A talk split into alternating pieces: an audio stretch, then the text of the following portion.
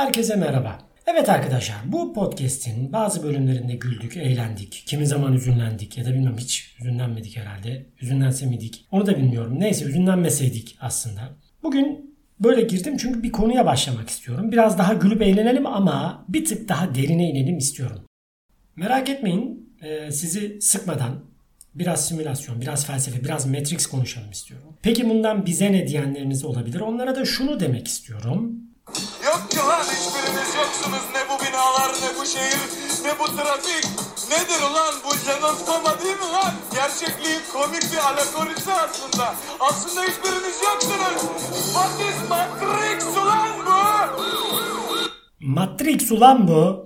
Peki gerçekten Matrix mi bu? Gerçekten bir simülasyonda mı yaşıyoruz? Önce simülasyon teorisini ortaya atan Baudrillard'a ve tüketim toplumuna bir girelim istiyorum. Baudrillard'a göre tüketilen malın gerçekten ihtiyaç olup olmadığı önemlidir. Örneğin ilkel toplumlarda gerçek aslında çok basitti. İnsan neye ihtiyacı varsa onu kendi sınırlı enerjisi içinde edinebiliyordu. Et mi istiyor? İşte alıyor yiyordu. Seks mi istiyor? Tavırlarıyla belli ediyor. Yapıyordu. Yüz bulursa yapıyordu. Öyle keman, mum ışığı, şakalar falan böyle uğraşmaya gerek yoktu. Kıyafet hayvanın derisini üzüyor, giyiyor. Tarım yapıyor, ihtiyacı olan kadar ekiyor, biçiyor. Topraktan çıkanı da hemen o an tüketiyordu. Ama Orta Çağ dönemine gelindiğinde artık hem yiyeceklerde hem de kıyafetlerde farklılaşma başladı ve bu gerçeklik hafif hafif kopmaya başladı. Çünkü Baudrillard'a göre mallar artık ihtiyacın ötesinde değerleri içermeye başladı. Mesela moda ile ilgili benim hep ilginç bulduğum bir e, durum var. Mor renk var. Onu söyleyeyim. E, şöyle renkler o sırada kimyasal olarak oluşturulmuyor doğadan elde ediliyor ve mor renk elde edilebilen sadece bir tane canlı var o da deniz kabuklarından biri. Dolayısıyla böyle bir kıyafette kullanılacak mor renk elde edebilmek için o canlıdan çok fazla, o deniz kabuklusundan çok fazla bulmanız gerekiyor ve anladığınız gibi çok pahalı.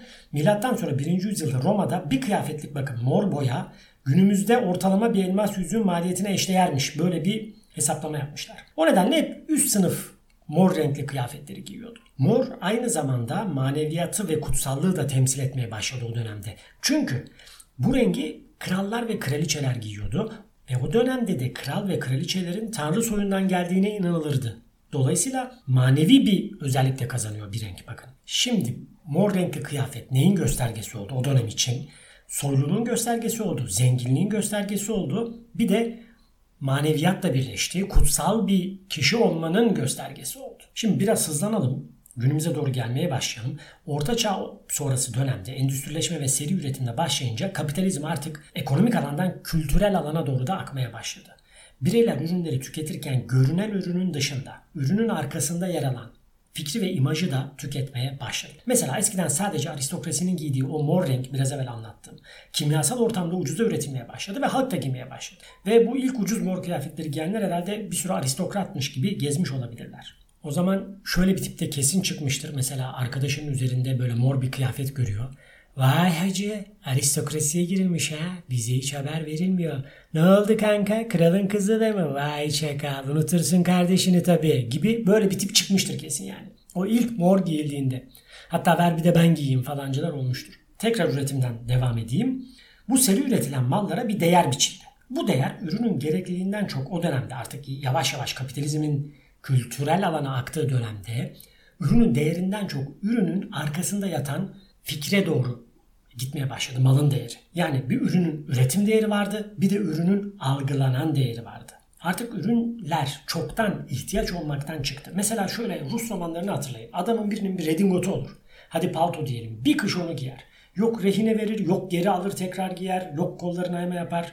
Ama günümüzde maddi durumu birçok kişinin artık bir paltoyu almaktan çok daha fazlası. 4-5-6 tane palto alabiliyor. Yani gereksiniminden çok ürün alabiliyor ve bu paltolar da işte şunla giyeceği palto, bununla giyeceği palto diye ayrılıyor. Şöyle düşünün bakın geçen okumuştum 3500 çift ayakkabım var diyen bir popstar vardı. Yani her birini giymeye, yani giymeyeceği ayakkabıları var şu an. İleride de ayakkabı alacağını düşünürsek hayatı boyunca giymeyeceği ayakkabıları olacak. Şunu demeye çalışıyorum. Artık ihtiyaç bizim daha doğrusu harcamalarımızı, tüketim kalıplarımızı ihtiyaç belirlemiyor. Onun arkasındaki başka bir şey belirliyor. Bakın şöyle bir asker anım var. Bir, ben denizci yaptım askerliği ve denizcilerin pantolonunun böyle önü iki yandan yukarı doğru katlanır ve düğmelidir. Şimdi o düğmeler açılırsa o iki yandan aşağı düşer ve her şey açılır yani. Bir arkadaşımla bilgisayarları taşıyoruz. Bu arkadaşımın elleri dolu. Bilgisayarları karnına yaslamış. Bir anda arkadaşın düğmeleri açıldı ve Calvin Klein don tebarüz etti. Hepimiz gördük. O kalite don falan dedik. O da Calvin Klein iç çamaşırı dışındakiler bende alerji yapıyor hocam dedi. Sonra tabii çok geyiği döndü bunun. Donu Calvin Klein olmasa önü açılmazdı gibi felsefik sohbetlere kaydık. Bakın iki katmanlı espri var burada. Peki neden böyle? Marka bize ne sağlıyor? İngiltere'de master'dayken Marks Spencer'ın bilançoları üzerine bir ödev hazırlamıştım. O dönemde Marks Spencer ciddi zarar yazıyordu. Nedeni de ürün kalitesindeki bir değişiklik değildi aslında. Sadece algı değişimiydi. Zira Marks Spencer bir anda Sümerbank muamelesi görmeye başlamıştı İngiltere'de. Kimse annesinin mağazasından alışveriş etmek istemez. Alttan lastikli anne taytı diye bir gerçek var hatırlayın. Bakın tayt okey. Hatta taytı duyunca coşan var. Aynı tayta alttan lastik ekleyince bu libido killer olur. Marks Spencer'da da böyle bir algı oluştu. Bunu anneler giyer gibi bir algı oluştu. Yani oluşmuştu o dönem. Hatta o dönem en iyi designerları transfer etmesine rağmen bu algıyı kıramadılar. Bir tane marka çıkmıştı FC UK diye. French Connection United Kingdom. Bu marka mesela çok satmaya başladı o sırada. Ve bu markanın adından başka hiçbir şey yoktu. Yani ürünün kalitesiyle alakalı hiçbir belirtici göstergesi yoktu. Sadece FC UK kelimesinin subliminal mesajıyla bir anda bu marka popüler olmuştu. Kısacası markalarla kendimiz hakkında algı yaratmaya başladık. Nasıl algılanmak istediğimiz gerçeğini oluşturmaya başladık. Janti takım, siyah ayakkabı, düzgün tıraş, deri çanta. Bunları dediğimde bir iş adamı fikri oluşuyor. Amerikan Psycho filmini hatırlayın. Oradaki tip tam da böyle bir adamdı. Janti, bıçak gibi bir adamdı. Orada sadece filmde bir sahne var bakın onu size anlatayım. Bunlar vice president. Hepsi kendi şirketlerinin vice presidentları. Ve bir e, toplantıda buluşuyorlar. Herkes birbirine kartını veriyor. Burada başroldeki oyuncu acayip sinirleniyor. Çünkü arka, yani diğer arkadaşının ona verdiği kart çok güzel. Kart aslında burada bir kimlik belirtiyor. Kimlik göstergesi. Kartı eline alıyor, bakıyor böyle kağıdı çok güzel, kabartmaları çok güzel, işte kullanılan fontlar, yazı çok güzel ve diğer adama direkt gıcık oluyor. Onu rakip olarak görmeye başlıyor. Çünkü elinde tuttuğu kart adamın kartı yani business kart. Adamın aslında gösterge kimliği gibi düşünün. Kendisininkinden daha iyi. Başka bir şey söyleyeyim size. Şöyle düşünün deri mont, içine beyaz tişört, aldırmaz bakış, sigara motor, sikerler tavrı, hayata boş vermiş ama kalite bir adam imajı. Kim? Mickey geldi değil mi aklınıza? Çok kadın üzdüm dostum.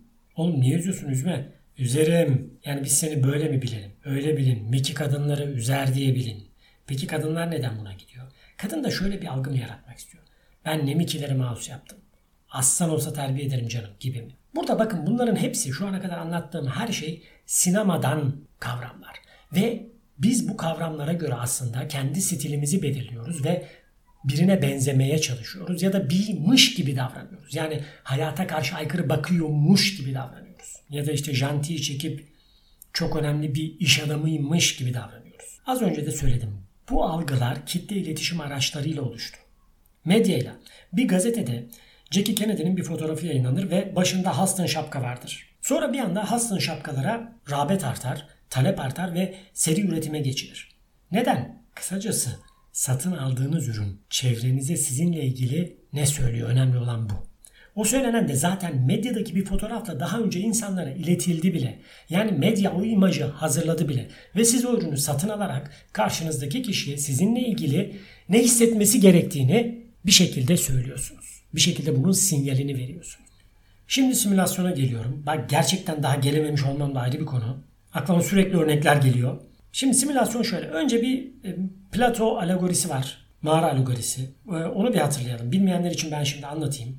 Bir mağarada böyle birbirlerine kollarından zincirlenmiş insanlar var. Ya da işte tavana zincirlenmiş. Ama burada önemli olan şu. Sırtları mağara kapısına dönük ve sadece önlerindeki duvara bakabiliyorlar. Birbirlerine de bakmaları bir şekilde engellenmiş. İşte boyunlarına belki boyunduruk konmuş bilmiyorum. Arkadan güneş ışığı geliyor ve karşılarında kendi gölgeleri var. Sadece bu gölgeleri görüyorlar. Gerçeklik onlar için sadece bu gölgeler. Buradaki kendi hareketleri o gölgeler hareket ediyor ve gerçeklik o gölgelerin hareketleri aslında. Bunlardan birisi bir şekilde zincirlerinden kurtuluyor. Bu kurtulan kişi aslında bir filozof. Gerçek dünyayı görüyor. Neler yaşandığını, gerçekte neler olduğunu görüyor.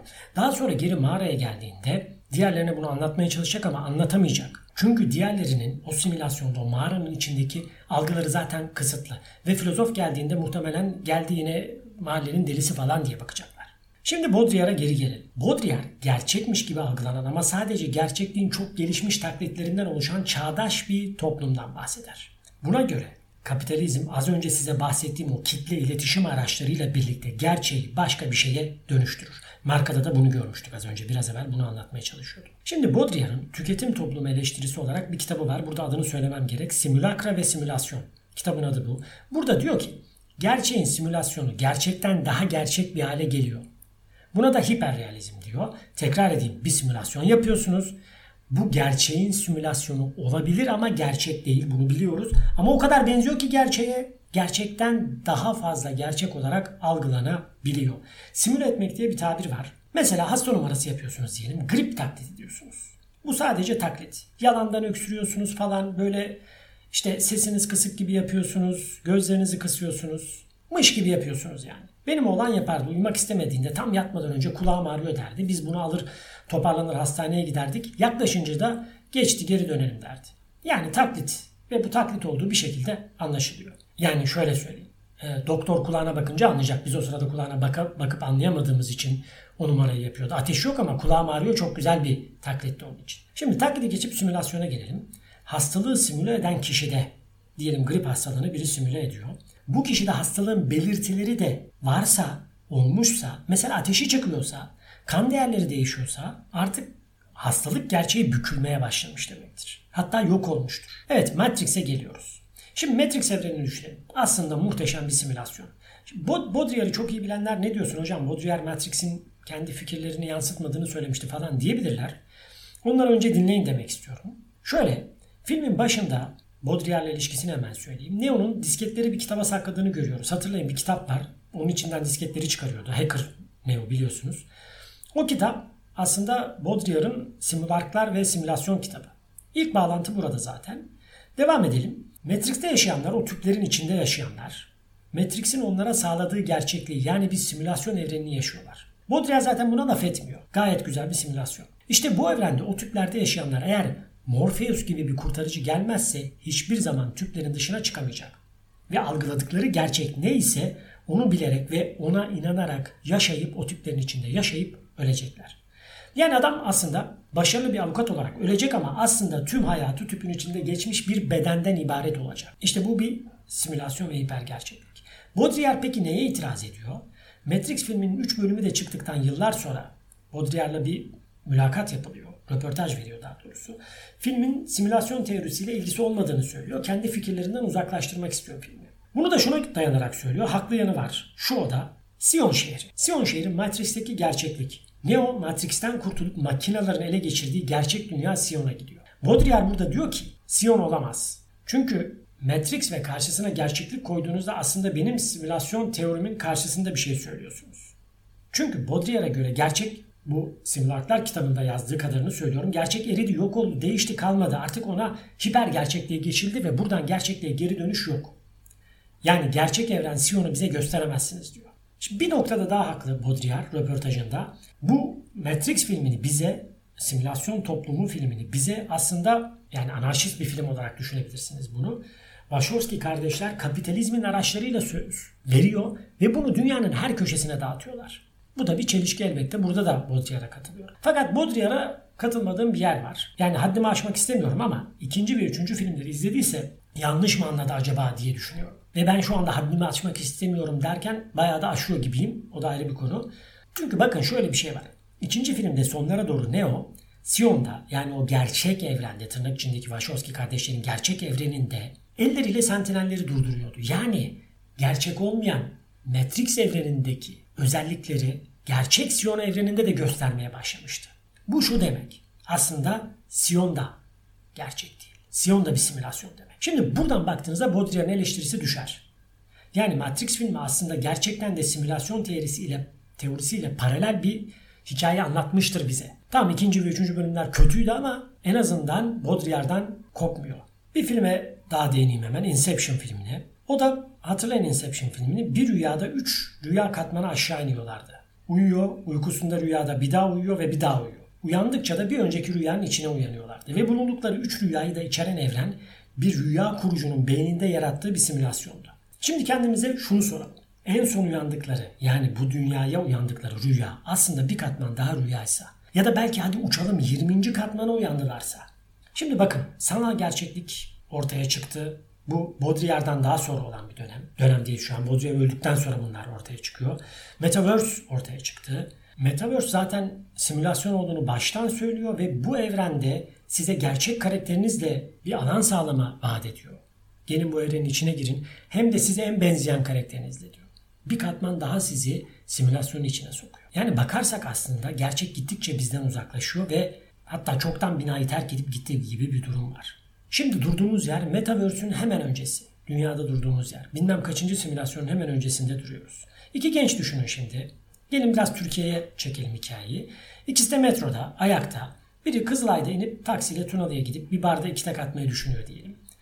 Bu gece siyaset konuşmayacak çünkü çok sıkkın. Arsızla hırsızla uğraştı sürekli. Tam büyük tiyatronun önünden geçerken operaya bir bilet almak geliyor aklına. Hep Çankaya'da yaşamış. İstanbul'a gittiğinde Kadıköy Moda Cihangir. Başka semtlere gitmez. Zira oralarda onu çeken bir şey yok. O yüzden gitmez. Cebindeki aplikasyonda da hep sevdiği şeyler gösteriliyor. Edebiyat, sanat, bilgisayar diyelim. Bunlara ilgili. Mühendis olan bu gencin amacı yurt dışına gitmek. Çünkü ülkesinin sürekli kötüye gittiğini düşünüyor. Aynı metroda hemen yanında biri var. O da Kızılay'dan inip Sincan'a gidecek.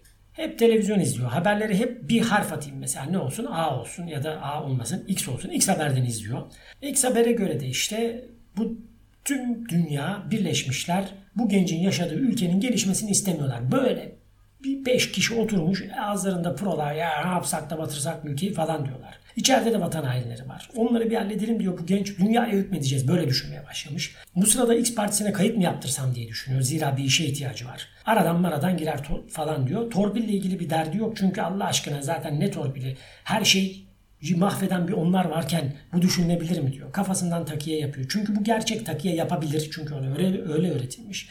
Hatta şey yapayım komikleştireyim biraz. Ülkesi o kadar gelişmiş ki yurt dışına mühendis ihraç eder hale gelmiş.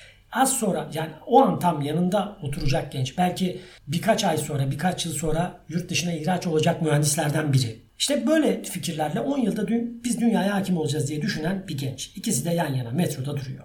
Bu iki gencin telefonları var. İniyorlar metrodan hemen telefonlarına bakıyorlar. Kapsam alanına girmişler o sırada. Biri Twitter'da takip ettiği bir habercinin hükümete çakan imalı sözünü like'lıyor. Diğeri büyük resmi gören bir yandaşı like'lıyor. Instagram'da, Facebook'ta sadece kendi ilgilendikleri reklamlar ve filmler, fikirler ya da ne bileyim işte paylaşımlar, tweetler karşılarına çıkıyor. Ve böylece yollara ayrılıyor ve devam ediyorlar. İkisi de farklı bir evrende yaşayarak, farklı bir simülasyonun içinde olarak.